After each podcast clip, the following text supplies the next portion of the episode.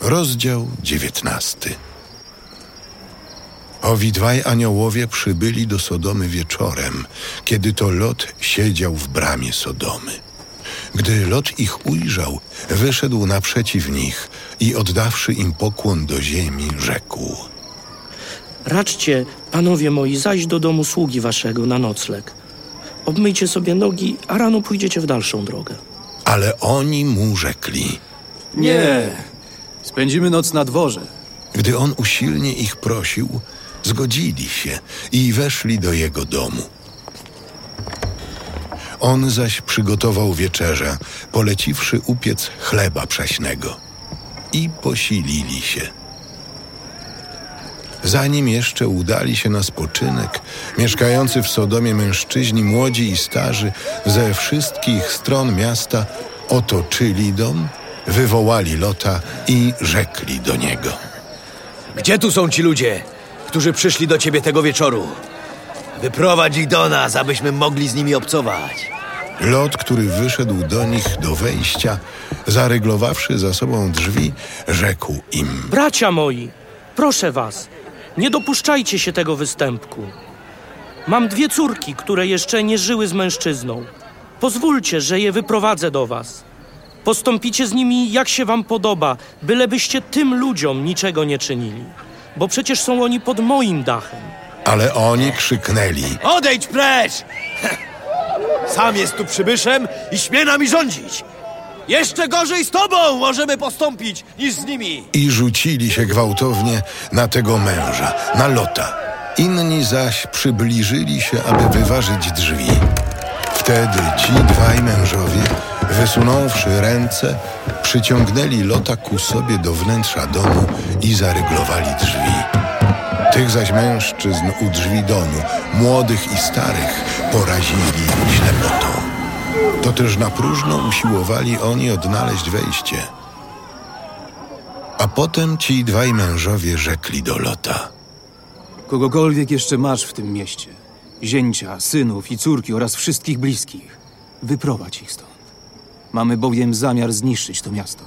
Ponieważ skargi na nie do Pana tak się wzmogły, że Pan posłał nas, aby je zniszczyć. Wyszedł więc Lot, aby powiedzieć tym, którzy jako przyszli zięciowie mieli wziąć jego córki za żony.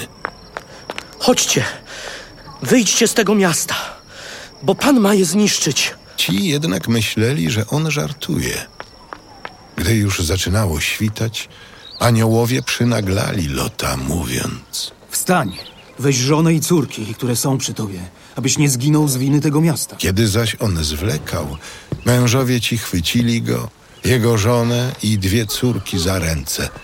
Pan bowiem litował się nad nimi i wyciągnęli ich i wyprowadzili poza miasto. A gdy ich już wyprowadzili z miasta, rzekł jeden z nich. Uchodź, abyś ocalił swe życie. Nie oglądaj się za siebie i nie zatrzymuj się nigdzie w tej okolicy, ale szukaj schronienia w górach, bo inaczej zginiesz. Nie, panie mój, jeśli darzysz twego sługę życzliwością, uczyń większą łaskę niż ta, którą mi wyświadczyłeś, ratując mi życie. Bo ja nie mogę szukać schronienia w górach, aby tam nie dosięgło mnie nieszczęście i abym nie zginął. Oto jest tu w pobliżu miasto, do którego mógłbym uciec. A choć jest ono małe, w nim znajdę schronienie. Czyż nie jest ono małe? Ja zaś będę mógł ocalić życie.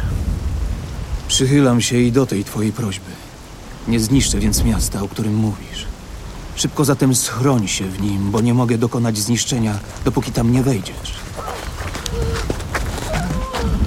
Dlatego dano temu miastu nazwę Soar. Słońce wzeszło już nad ziemią, gdy Lot przybył do Soaru. A wtedy Pan spuścił na Sodomę i Gomorę deszcz siarki i ognia pochodzący od Pana z nieba.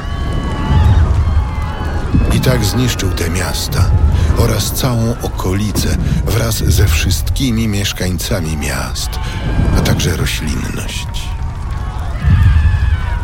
Żona Lota, która szła za nim, obejrzała się i stała się słupem soli.